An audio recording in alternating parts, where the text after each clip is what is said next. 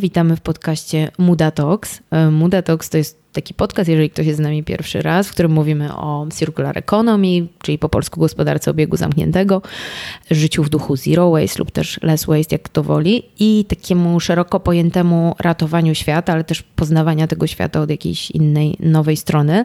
Muda oznacza po japońsku nieużytek. Podcast prowadzą dwie dziewczyny. Ja się nazywam Ania Pięta. A ja nazywam się Martyna Sztaba. Dzisiaj w naszym salonie na Saskiej Kępie, gdzie od jakiegoś czasu nagrywamy już nowe odcinki podcastu, jest z nami Michał Siarek. Nasz dzisiejszy gość jest fotografem dokumentalnym, którego zainteresowania obracają się wokół głównie geopolityki, historii, mitologii narodowych. Oprócz tego studiował fotografię w Szkole Filmowej w Łodzi. Cześć Michał. Cześć. Bardzo się cieszymy, że jesteś z nami. W Polsce jeszcze nie zaczęła się zima, ale będziemy dzisiaj rozmawiać o mroźnej Arktyce między innymi. I chciałyśmy Cię zapytać o Twój projekt, który właśnie realizujesz. Projekt, który ma na razie roboczy tytuł Dobre wieści z najdalszego hrabstwa Norwegii.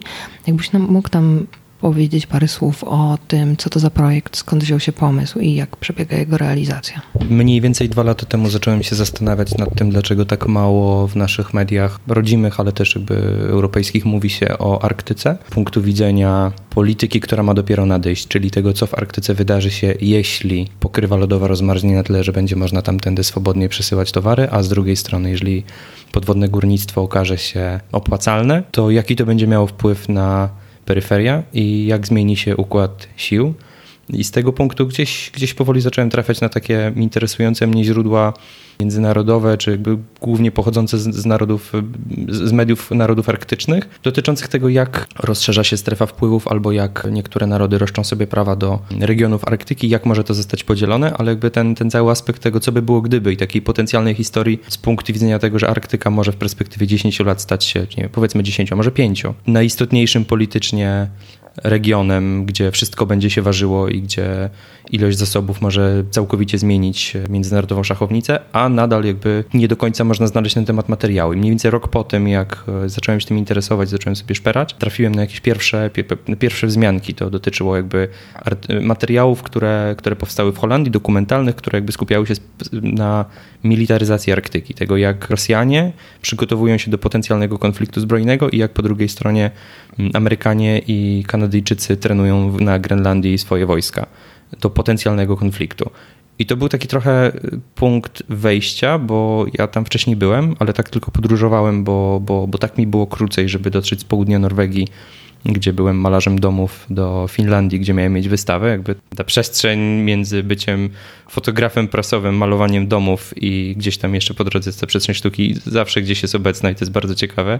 Przejechałem przez region, który bardzo mnie zainteresował, dlatego że z jednej strony był już określany jako Arktyka albo jako najbardziej północne cokolwiek, i tych najbardziej północnych rzeczy i przesuwania granicy tego, co w różnych kontekstach definiuje się jako Arktykę, było samo w sobie bardzo ciekawe, no bo można to określić jako zasięg lata, czy nocy polarnej, dnia po zjawiska nocy i dnia polarnego, czy średniej temperatury, czy braku występowania drzew, czyli jakby kiedy tajga przechodzi w lasotundrę i w tundrę, jakby nie jestem e, biologiem, ale gdzieś jakby ten aspekt po prostu tej nomenklatury też był ciekawy, że, że, że, że nagle jakby cała, z punktu widzenia turystyki, nagle ta, to nazewnictwo było istotne i wszystko musiało być Arctic.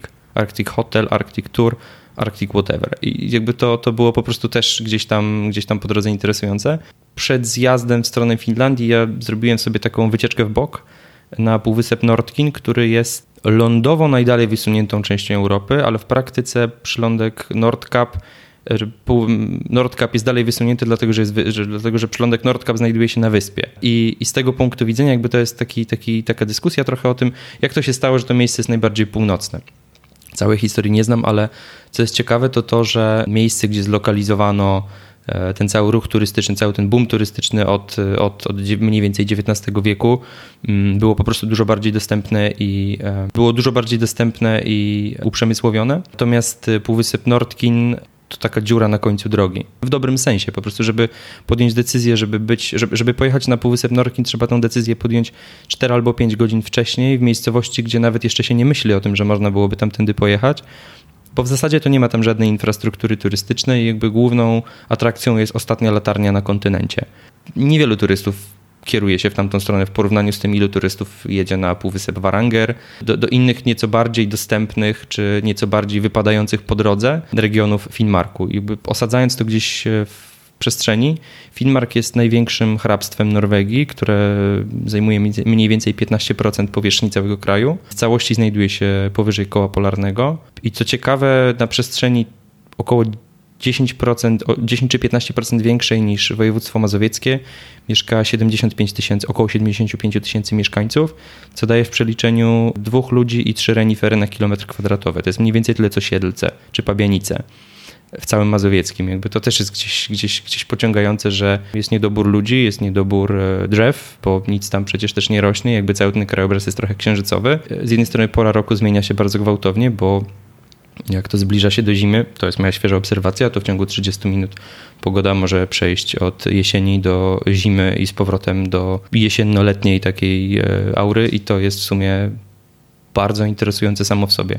I pierwszą rzeczą, którą zobaczyłem skręcając już po kilku godzinach tej jazdy, kiedy się uparłem, że tam pojadę, był taki malutki cmentarz, który był wciśnięty z jednej strony między, między lotnisko, z drugiej strony między, między taką dróżkę prowadzącą do miasta i jak się tą drogą pojedzie dalej, dalej, dalej, to wydaje mi się, że trafia się do ostatniej ulicy. Tak w ogóle. I tam są takie, takie kolorowe domki, to było, to było bardzo bajeczne. W perspektywie skaliste wybrzeże Morza Barenca i to ja już byłem, ja już byłem e, utopiony. Mm. To, to już było, to ja, ja, już wiedziałem, że chcę na chwilę zostać. A dobra, a to bardzo w ogóle ładne. Ja już odpłynęłam i jestem na północy trochę, ale powiedz Michał, bo to może być interesujące dla naszych słuchaczek i słuchaczy, jeszcze trochę o tej geopolitycznej, o tej pozycji po prostu e, właśnie dalekiej północy i Arktyki. Dlaczego to jest tak ważne dzisiaj? Dlaczego tam są obecni i Rosjanie, i Amerykanie? Jakby ze względu na to, że właśnie jak się lodowce roztopią, to są dodatkowe drogi i jest, e, znaczy drogi, w sensie dodatkowe, dodatkowa droga przesyłu dóbr kolejna? Czy chodzi o to właśnie górnictwo podwodne? Mógłbyś coś więcej o tym jeszcze nam powiedzieć? Jasne, to jest, bardzo, to jest bardzo ciekawy e, mechanizm kilku zależności, których ja przyznam szczerze jeszcze nie, nie rozumiem, ale wydaje mi się, że jeszcze niewiele jest osób, które realnie to rozumieją, bo jakby z punktu widzenia globalnego to nie możemy mówić tylko o Rosjanach i Amerykanach, trzeba jeszcze do tego dodać Duńczyków, Kanadyjczyków, Norwegów, Szwedów, Finów, zaskakująco Chińczyków, którzy też chcieliby mieć coś do powiedzenia w tej kwestii. Ostatnio Niemcy opublikowali swoją arktyczną strategię, w której wyrażają swoje zaniepokojenie tym, co się dzieje lub może się dziać i jak, jak, jak oni by to widzieli. Wszyscy mają na ten temat jakąś opinię od niedawna. W sensie myślę, że myślę, że wszyscy mają od dawna, ale jakby tego, ale stosunkowo niedawno zaczęło to przyjmować bardzo konkretne, bardzo konkretne ramy i od czego trzeba wyjść, żeby zrozumieć ten, ten, ten kontekst, to to w jaki sposób składa się roszczenia wobec obszarów, które mogłyby należeć do wód terytorialnych danego kraju, co jakby pozwoliłoby na eksploatację. No więc jakby wody przybrzeżne to jest około, o ile pamiętam, 2,5 mili morskiej, czyli strzał z armaty mniej więcej. Mm, jeżeli ktoś chciałby rozszerzyć jakieś państwo swoje, swoje wody terytorialne dalej, to muszą udowodnić, że te wody są przedłużeniem szelfu kontynentalnego i tak dalej, i tak dalej. Jakby roszczenia muszą mieć podłoże naukowe. Ale żeby w ogóle móc składać roszczenia, to najpierw trzeba podpisać konwencję o prawie morskim, której na przykład Amerykanie nigdy nie podpisali. Co oznacza, że Amerykanie nie, do końca mogą na, nie, nie, do końca mogą składać ONZ e, swoje roszczenia do, do tego, co by było gdyby w tej Arktyce, podczas gdy Rosjanie już od bardzo dawna prowadzą aktywną politykę udowadniania, że w ogóle nie tylko ich wody przybrzeżne i wszystkie wyspy, które już są zmilitaryzowane, to też jakby w zasadzie cała Arktyka im się należy, dlatego że jest tam taki podwodny łańcuch górski, który jest przedłużeniem lądowego łańcucha górskiego jakby taki jest, taki jest rosyjski, rosyjski e, motyw. Jakby nie wchodząc w szczegóły tego, po prostu gdzieś, gdzieś po prostu taki to mi się wydaje interesujące, jakby do jakich kroków się to zaczyna posuwać. No i z tego punktu też pozycja Chin, które uważają, upraszczając, że jako naród, jak, jako międzynarodowa potęga i naród subarktyczny, który będzie miał e, do dyspozycji zasoby, żeby tam pracować, kopać, przesyłać i tak dalej, jakby jest ważną częścią układu jest ważną częścią e, potencjalnego dealu z Rosjanami. Oni też chcą mieć swój, swój kat w tym wszystkim.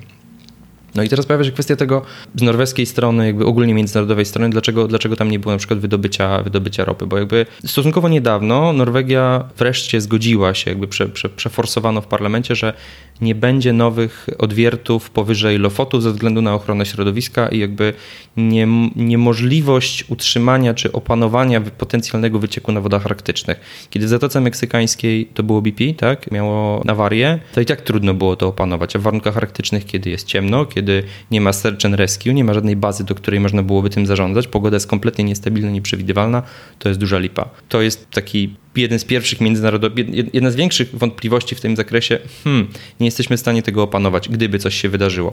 No ale kolejne kroki tutaj dotyczyły obecności tego, jakby, nawet jeżeli, nawet jeżeli te roszczenia nie są jeszcze do końca przeprocesowane czy, czy udowodnione, na przykład Rosjanie, którzy jako jedyni, jedyni na świecie do tego, do tego punktu dysponują flotą lodołamaczy i, i jakby search and rescue, który jest w stanie operować na tych wodach. Amerykanie mają chyba jeden lodołamacz, Chińczycy budują dwa albo cztery, nie, nie jestem pewien. I jakby to się, to się dopiero dzieje teraz. A jakby ten amerykański lodołamacz, mówimy o 2019 roku, jest z lat 50. albo 60.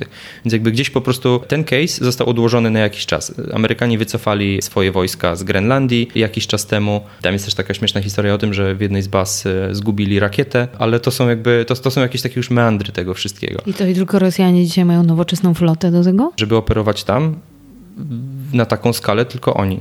Oni to jednak wiedzą, co robią po prostu. No.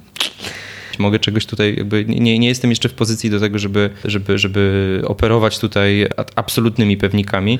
Natomiast co jest ciekawe w przypadku Rosjan, to to, że jakby te wszystkie, te wszystkie wysepki północnych morzach, znaczy przy, powyżej Syberii, są zmilitaryzowane. Tam jakby istnieje, istnieją kontyngenty już w tym momencie przygotowane i o tym ostatnio było dosyć głośno, że tam jest w tym momencie dużo ćwiczeń, dużo, dużo aktywności i nawet jakby to są aktywności, które realnie mają wpływ na, na sytuację w tym, w tym hrabstwie Finnmark, gdzie na przykład słyszałem historię, że przestaje działać GPS, no bo siłą rzeczy Rosjanie ćwiczą na wybrzeżu, zagłuszają sygnał. To jest takie poczucie, że to się naprawdę dzieje stosunkowo niedaleko. Hmm. Że, to, że, że, że, że, bliżej faktycznie jest do Murmańska i bliżej jest do tych spraw, do Arktyki niż z powrotem do domu. Z jeszcze szerszego punktu widzenia to, to jest kwestia, tak jak, tak jak już wspomniałem, zasobów, które tam są, które mogą się okazać e, statne do wydobycia i bardzo opłacalne, a z drugiej strony, jeżeli, jeżeli pak lodowy rozmarznie na tyle, tyle, żeby droga, e, tak zwane przejście północne między Chinami i Europą mogło się otworzyć, to to bardzo skraca czas wysyłki, ale za bardzo duży koszt. To jest też trochę taka, taki trochę straszak i nikt do końca nie wie, czy to, czy to się wydarzy, czy się nie wydarzy, bo Niby można tamtędy przesyłać towary powyżej Rosji przez te zamarznięte wody, ale wymaga to asysty lodołamaczy i wymaga to zaopatrzenia, wymaga to mm, stacji ratowniczych i tak dalej, i tak dalej. Więc jakby, czy to się będzie opłaciło? Ciężko powiedzieć. To jest kwestia jakiejś potencjalnej historii. Ale są tam pierwsze jakby wysyłki między Chinami, a głównie są to wysyłki z Chin. Ale to z kolei urodziło taki pomysł jakiś czas temu, też nie potrafię tego w tym momencie zdatować, bo sam koncept, że to przejście może się otworzyć, pochodzi z początku XX wieku w ogóle. Jakby prorokowano, że może będzie szybciej, do tej pory nic się nie wydarzyło. Niemniej, mniej więcej miesiąc temu Norwegia miała głosować nad tym, czy, czy zgadza się na to, żeby połączyć północne porty z siecią kolejową Unii Europejskiej w celu przesyłania tych towarów. Nie wiem dokładnie, jaki jest wynik tej sprawy, bo myślę, że to nie jest taka, mam pewne zaległości w tym momencie w, w newsach, ale nie, myślę, że nie jest to jakby de, de, decyzja, która nastąpiłaby bardzo szybko, ale chodzi o, chodzi o główne północne porty, które miałyby pomóc przesyłać towary. Nie jestem pewien, na ile to z kolei miałoby sens, przy założeniu, że te, że te statki mogłyby opływając Norwegię płynąć do portów holenderskich i tam się rozładowywać i nie wiem, czy ta linia kolejowa naprawdę jest aż tak rozsądną kwestią, biorąc pod uwagę, co będzie przewożone i że, że jakby ta linia kolejowa miałaby być zbudowana w dużym stopniu w nietkniętej przyrodzie, więc jakby nie jestem do końca pewien e, pobudek i, i ponieważ to są rzeczy, które się dzieją na bieżąco i w sumie, w sumie na naszych oczach i to może być naprawdę niedaleka przyszłość, to zaczęło mnie to ciekawić, mhm. żeby zobaczyć, co to może być. Kolejne wątki dotyczą próby przestawienia e, ekonomii, na przykład Norwegii, na zieloną energetykę na sztuczną inteligencję, banki danych itd., tak itd. Tak Norwegia kilka lat temu zapowiedziała, że wyprowadzi swój kapitał z największych graczy, którzy wydobywają ropę, jeżeli nie będą mieli zielonych, zielonych gałęzi w, w, swojej, w swojej strukturze. Natomiast też jakby to bardzo wytraciło na impecie. I z drugiej strony opublikowano takie interesujące raporty dotyczące planów na wyznaczenie regionów, gdzie mogą być banki danych, gdzie te banki danych będą zasilane zieloną energią i będą chłodzone wodą morską, więc jakby coś tu może to, może to, może to będzie jakby alternatywa. I to też mnie zaczęło interesować, bo to nie jest do końca takie przejrzyste ani, ani, ani oczywiste. A ostatnia kwestia to właśnie te zielone elektrownie, jakby platformy wiatrakowe czy, czy inne energie, źródła energii odnawialnych, które miały być instalowane, ale w miejscach, które są znowu nietknięte. Mhm. Czyli nie jestem pewien ceny, za jakie się instaluje, tym bardziej, że one nie są przeznaczone i nie są potrzebne lokalesom. One są e, jakby gdzieś napędzane przez e, zewnętrzną koniunkturę i nie są to inwestycje norweskie. To jeżeli możesz powiedzieć, bo poza tym, że ta sytuacja jest skomplikowana geopolitycznie i po prostu są tam trzy czy cztery największe mocarstwa, które się, się kłócą o te właśnie eksterytoria czy wspólne terytoria, nie wiem jak to nazwać, to jak to dotyczy dzisiaj mieszkańców, może to, ale też jak dotyczą ich dzisiejsze zmiany klimatu i jak to, jak to wpłynęło na, na zaludnienie mm, północy?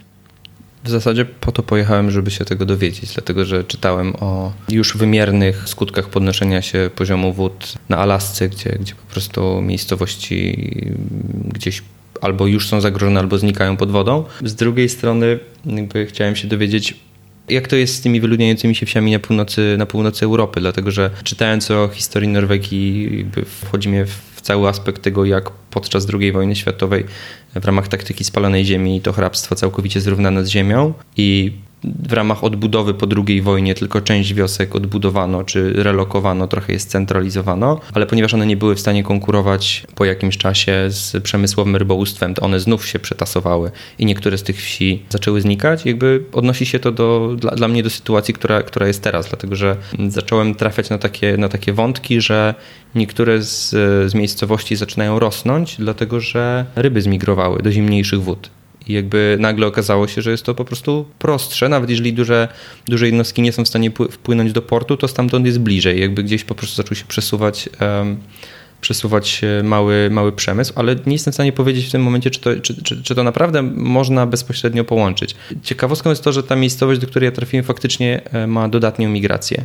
Głównym problemem takiej populacji jest utrzymanie podstawowej infrastruktury pokroju szkoły czy sklepu. Jeżeli w takiej wsi zniknie miejsce, znikną miejsca pracy albo zniknie któryś z innych czynników, sklep czy przede wszystkim szkoła, to ponieważ młodzi ludzie nie będą chcieli się tam wprowadzać, to stopniowo taka wieś e, traci trochę e, rację bytu, a w perspektywie utrzymywanie jej tak w ogóle jest dosyć drogie, bo, bo mówimy o warunkach, gdzie trzeba to przynajmniej w zimie odśnieżać, gdzie jakby to są drogi, które prowadzą do wsi, które mają na przykład po 20 do kilkuset mieszkańców. I ja szukałem po prostu wzdłuż, wzdłuż wybrzeża, dojeżdżając takimi dojazdowymi drogami na, na sam koniec, żeby zobaczyć realnie, co się dzieje i pogadać.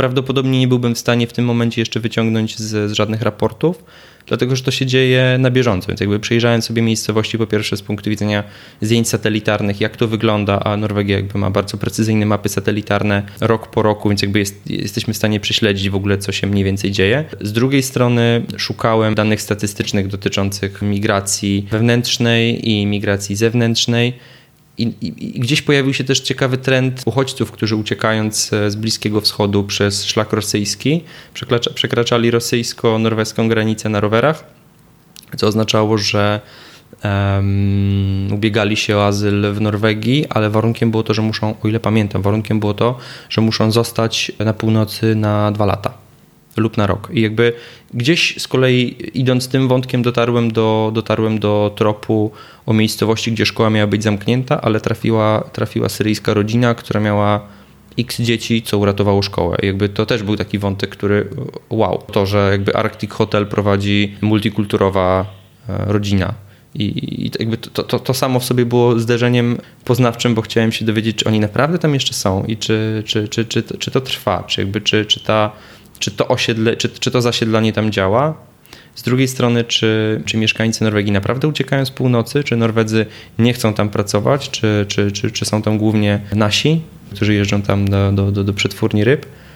no jasne, że to jest dużo bardziej skomplikowane, ale jakby ta miejscowość, do której ja trafiłem, jest interesującym i stosunkowo wyjątkowym przykładem. Nie wiem, czy jest potwierdzeniem reguły, czy, czy jest tutaj wyjątkiem od tego. Natomiast w Gamwiku, w którym 10 lat temu było 100 mieszkańców, teraz jest e, trochę ponad 200. Walczą o to, żeby szkoła przetrwała. To jest taka miejscowość naprawdę na samym, na samym końcu. E, I wszystko zaczęło się od tego, że, że wrócili ludzie, którzy od, postanowili mimo swojego technicznego wykształcenia zająć się miejscowym sklepem bo bez, bez sklepu ta miejscowość nie mogłaby przetrwać. I jakby moje pierwsze zdarzenie w ogóle z tym też, tym też tym miejscem było przypadkiem, bo ja po prostu fotografowałem grupę ludzi, którzy wracali prawdopodobnie zbierając jagody. Okazało się, że to była ta właścicielka sklepu, od słowa do słowa okazało się, okej, okay, ona jest tą osobą, która wróciła, ona jest jakby jedną z najistotniejszych osób w tej, w tej społeczności. Ale wtedy jeszcze ta miejscowość nie kwitła tak, jak kwitnie teraz. Po dwóch latach wracając do, do, tej, do tej wsi, trafiłem na parę w zasadzie nie aktywistów, tylko, tylko ludzi z pasją, którzy albo mają doświadczenie w polityce, albo w biznesie, ale gdzieś właśnie w sektorze, w sektorze okołokulturalnym i oni, oni dostrzegli po prostu potencjał tej, tej wsi, żeby zachować ją w takim stanie, jak jest, ale nie być może nie skazywać jej na, na, na bycie skansenem. Chodziło o to, jak podnieść wartość tego miejsca. I tu przechodzimy trochę do punktu, jak ja się tam odnalazłem zupełnym przypadkiem we właściwym momencie, łącząc te wszystkie wątki, które są bardzo niejasne i jakby może zbyt rozbudowane, bo są jakby kwestią przyszłej historii, czy potencjalnej historii, a nie rzeczy, którą można, na której można realnie położyć palec. No i ja po krótkiej rozmowie z właścicielką sklepu zostałem przekierowany do kolejnej osoby, do, do Jana Erika, który powiedział, że wiesz, jest tam, jest tam taka farma, jak, jak jedziesz do latarni morskiej, taki zielony domek na uboczu. Jakby, I że to miejsce było rezydencją dla artystów i naukowców, którzy chcieliby pracować y, z lokalną społecznością i dla lokalnej społeczności dwa czy trzy lata wcześniej, dopóki nie zmarł właściciel. Jakby, kiedy ja tam przyjechałem i szukałem miejsca, żeby się za, z, zaczepić, oni byli w punkcie y, bez odwrotu, gdzie, gdzie ten mężczyzna już nie żył i jakby nie było nikogo, kto byłby jego spadkobiercą. Natomiast ciekawe jest to, że ten dom, którego on był właścicielem, nie jest zwykłym domem, tylko okazał się byłą bazą NATO, do którego podczas zimnej wojny prowadził kabel po dnie morskim, do którego były zamocowane e, mikrofony, które miały wykrywać płynące rosyjskie łodzie podwodne z, z bazy polarnej w Murmańsku do dalej w świat. I to też był taki, taki mega strzał, że o wow, co, co tu się dzieje? Jakby wiadomo, że jakby historia tutaj jest warstwowa jakby, i to się wszystko składa, ale, ale nagle trafiłem do domu, który wygląda jakby był, był, był kompletnie wyjęty z filmu Wesa Andersona, pełnego przedziwnych pamiątek, seledynowego i tak dalej, i tak dalej. Z ogromną historią, który jest przeznaczony dla, dla ludzi takich jak ja, którzy chcieliby coś dla tego miejsca zrobić i coś z tym miejscem zrobić. Jakby bardzo szybko przeszedłem do punktu, w którym szukałem historii, do, od punktu, w którym szukałem historii, do, do, do, do uświadomienia sobie, hej, oni naprawdę chcieliby wysłać sygnał w świat, że oni są, że oni są na granicy, czy w takim, na granicy konfliktu, czy w potrzasku między rozwojem przemysłu i wzbogaceniem się, a pozostaniem nisko i próbą zrobienia tego powoli przez kulturę, żeby jakoś tą wieś ocalić. I okazało się, że to był po prostu właściwy moment, właściwy czas i z dnia na dzień zostałem prezydentem tej śmiesznej chatki. Skoro już jesteśmy w tej bardziej prywatnej historii, to opowiesz nam trochę, jak wygląda Twoje życie, no bo rozumiem, że nie masz tam pewnie jakiejś bieżącej wody i pewnie musiałeś poczynić pewne ograniczenia w stosunku do swojego życia, tak jakbyś je prowadził w Polsce. Jesteś już minimalistą i po prostu eremitą, który z nikim nie rozmawia przez parę dni? Prawie, ale to nie wynika z tej północy, bo tam akurat co chwilę ktoś na mnie puka i jakby co, codziennie mam gości, albo ja wychodzę, żeby z kimś porozmawiać, ale to chyba trochę bardziej o moim backgroundzie jako takim, bo jako, jako, jeszcze jako student na filmówce trochę byłem sfrustrowany e, uczelnią artystyczną i postanowiłem, że muszę, muszę się wyrwać.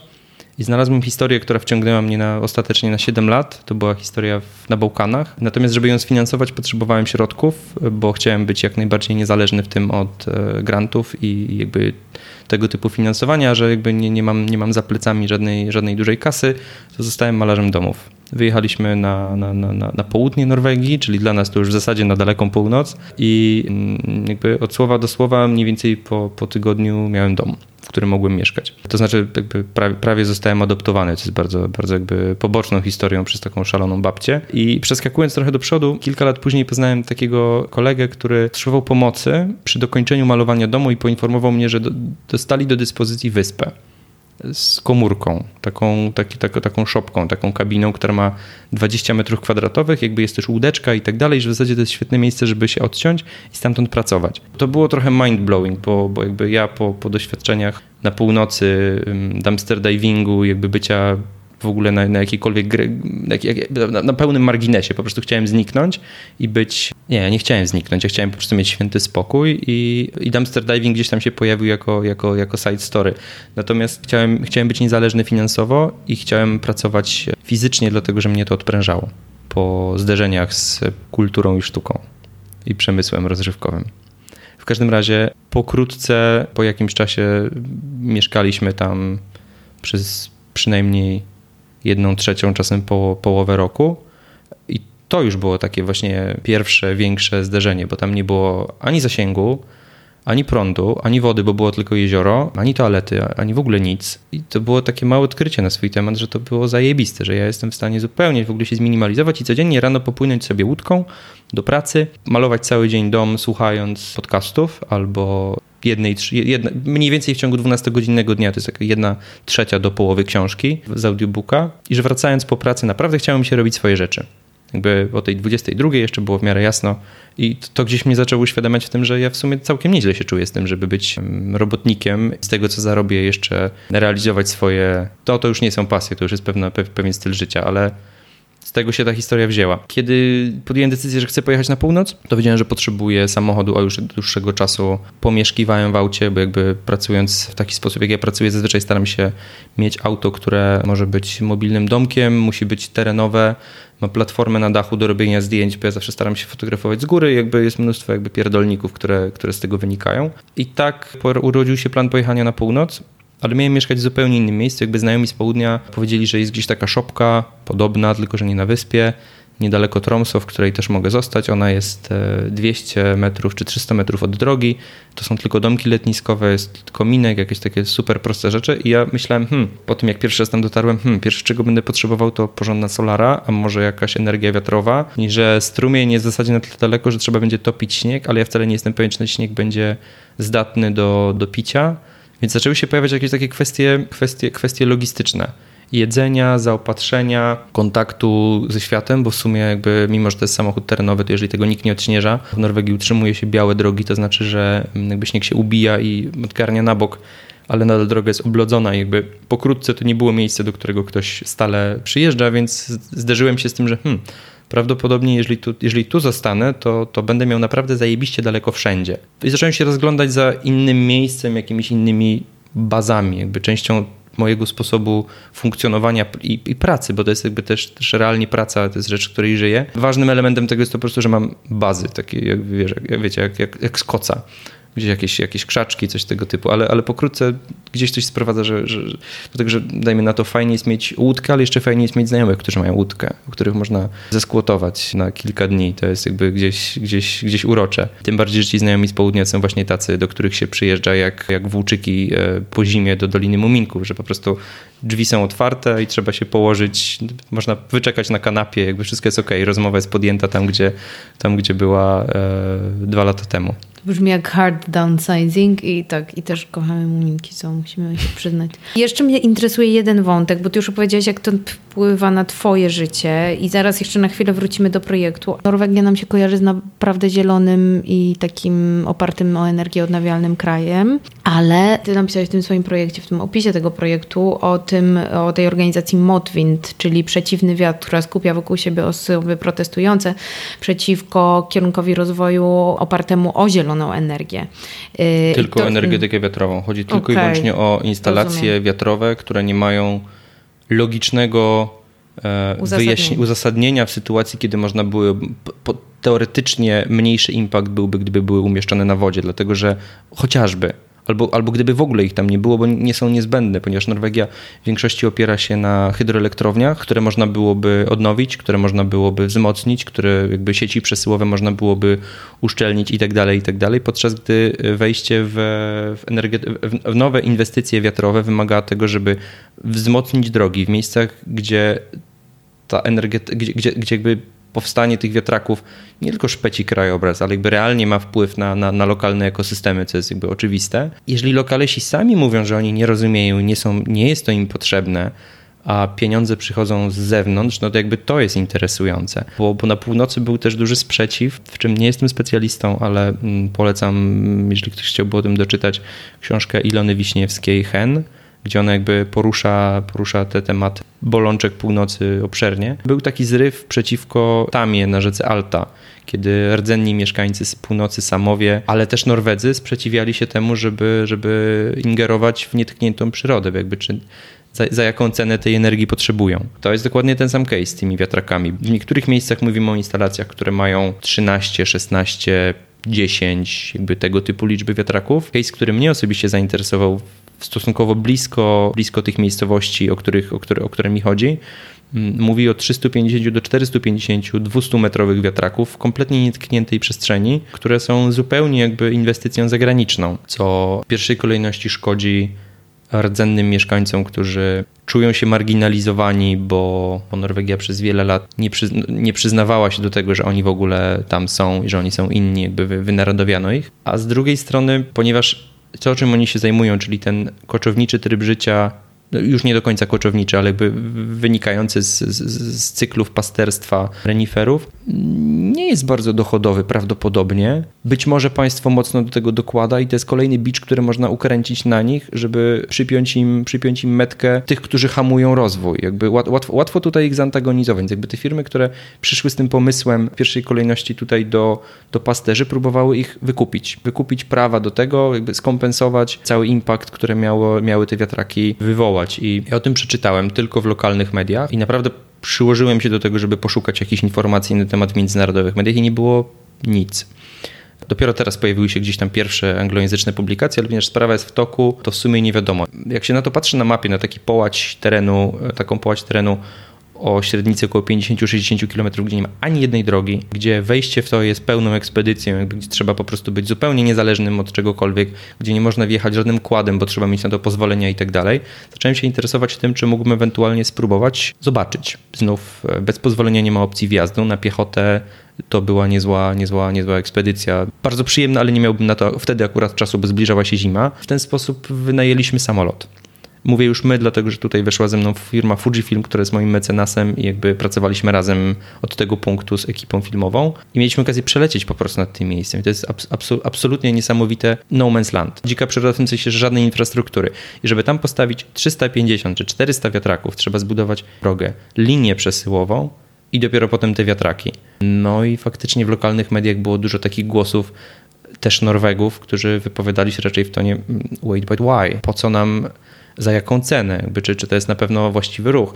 I gdzieś potem dopiero dowiedziałem się o tym ruchu Motwind, który globalnie w skali Norwegii zaczął wykonywać jakieś ruchy i zrzeszać, protestować przeciwko temu. Mhm. Na ten moment nie jestem pewien, jaki, jaki jest status tej sprawy kręciliśmy z, z, tymi samami, którzy mieliby być do tego, którzy mieliby być tym dotknięci. Jakby tak się złożyło, że mieliśmy okazję być przy, przy znakowaniu rzezi reniferów i mieliśmy okazję pogadać, poobserwować, co przede wszystkim w masie porobić kilka, porobić wywiadów. Ich punkt widzenia jest jasny, Natomiast ja, ja, nie jestem pewien, czy na przykład ta ich odmowa nie oznacza, że jakby państwo norweskie też gdzieś już wkroczyło do akcji i że że, że jednak jest dobrym graczem. W każdym razie miałem nadzieję, miałem nadzieję, że mam nadzieję, że jakby do tego projektu nie dojdzie, że jakby uda się go powstrzymać i że, że ta historia po prostu się gdzieś tam rozpłynie dzięki temu, że obywatele po prostu wyrażają jakiś tam sprzeciw. No ale takich case'ów jest w Norwegii sporo. No więc zacząłem się interesować tym tematem i znów nie czuję się w tej kwestii ekspertem, ale taka jest moja metoda pracy, że znajduję sobie problemy, które są niestety trochę bardziej skomplikowane niż jakiekolwiek media by chciały i, i z tego punktu stwarzam sobie sytuację, z której, w której mogę zostać z tym tematem dłużej i zobaczyć jakby przed i po, albo w trakcie i, i, i dla siebie. Jeżeli z tego wynikają jakieś produkty, materiały i tak dalej, i tak dalej, coś, czym jestem w stanie stworzyć, to jest kolejna kwestia. Na razie, na razie to jest taka prywatna, prywatny research tam na miejscu. A propos Twojego projektu, jakie, jakie będą jego dalsze etapy, kiedy będziemy mogli zobaczyć jakąś część z tego projektu, co to będzie i z kim przy tym jeszcze współpracujesz? No bo pewnie nie robisz tego sam. To jest y, bardzo trudne pytanie, dlatego że minęło 6 miesięcy, odkąd wyjechałem z Polski i pracuję sobie na północy i dopiero powstały może dwa albo trzy zdjęcia, z których jestem zadowolony, dlatego że ja ja researchuję, nie, nie, nie, nie, nie, nie wiozę ze sobą aparatu po to, żeby go mieć cały czas na szyi. Jakby ja wybieram sobie miejsca, które mają potencjał i zastanawiam się nad tym, jakie medium jakby może ująć tą historię najlepiej, czy jakby tak, zdjęcia jako, jako punkt wyjścia dla mnie, jako, do, jako, jako fotografa, który pracuje dosyć powoli i obserwuje przy użyciu wcześniej XIX-wiecznych środków, bo tradycyjnej wielkoformatowej kamery, a teraz trochę inaczej.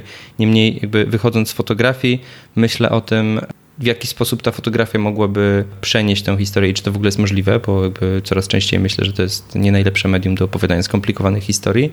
Dlatego ten projekt musi podzielić się na, na kilka etapów, które są bardzo lokalne, ale mają troszkę globalnych konotacji. Stąd na przykład ta miejscowość na końcu drogi, skąd wziął się w ogóle cały ten tytuł, ma taki catchphrase, kiedy piszą jakiekolwiek newsy na swój temat, dobre wieści z najlepszej gminy w Norwegii. Gminy, w której są wsie, do których nie ma dróg, w których żyją ludzie, w których nie ma szkół, są wsie, w których mieszka jeden albo pięciu mieszkańców, są wsie, które walczą rozpaczliwie o to, żeby, żeby się nie nudzić, bo chyba to jest dla nich ważniejsze, zauważyłem, niż, niż ekonomia, żeby po prostu się nie żeby nie wpaść w jakiś kompletny marazm i jakby nie uciekać stamtąd. Tam jakby urodził się pierwszy pomysł, to znaczy zrobienia gazety dla 200 osób. Zrobienia gazety jakby w tradycji slow media, Norwedzy mają bardzo bogatą puściznę drukowanych form i uznaliśmy po kontakcie właśnie z, z moimi, z moimi mm, lokalnymi partnerami, że w zasadzie zrobienie gazety dla, dla małej wsi, takiej jednorazowej, gdzie oni będą mogli się wypowiedzieć, opowiedzieć, jak oni widzą tą przyszłość i tak dalej, i tak dalej, i zrobienie jej dla nich, ale później wyprodukowanie większego nakładu, który można będzie dystrybuować lub sprzedawać w ramach też wsparcia projektu i realizowania kolejnych etapów. Jakby to, to, łączy, to łączy po prostu kilka, kilka, kilka kropek, które mogłyby tutaj pomóc. Natomiast, natomiast e, ewolucją tego okazało się to, że, że, że pozwolono mi założyć studio portretowe w sklepie spożywczym i i nagle, nagle po prostu zaczęły rodzić się jakieś kolejne, z takich, z, takich, z takich małych spotkań zaczęły rodzić się jakieś kolejne formuły, bo ja oczywiście pojechałem z nastawieniem e, bardzo fotograficznym, a im dalej tundrę, tym bardziej dochodziłem do wniosku, że czemu by nie zrobić z tego jednak może podcastu, dla nich o nich. I tutaj wszedł, tutaj wszedł jakby z, z tego wątku kolejna koincydencja. Okazało się, że nie mają stację radiową już na miejscu, która nadaje co piątek i grają w nią w bingo. Więc e, nic, tylko eksploatować sprawę dalej i zacząć z nimi współpracować.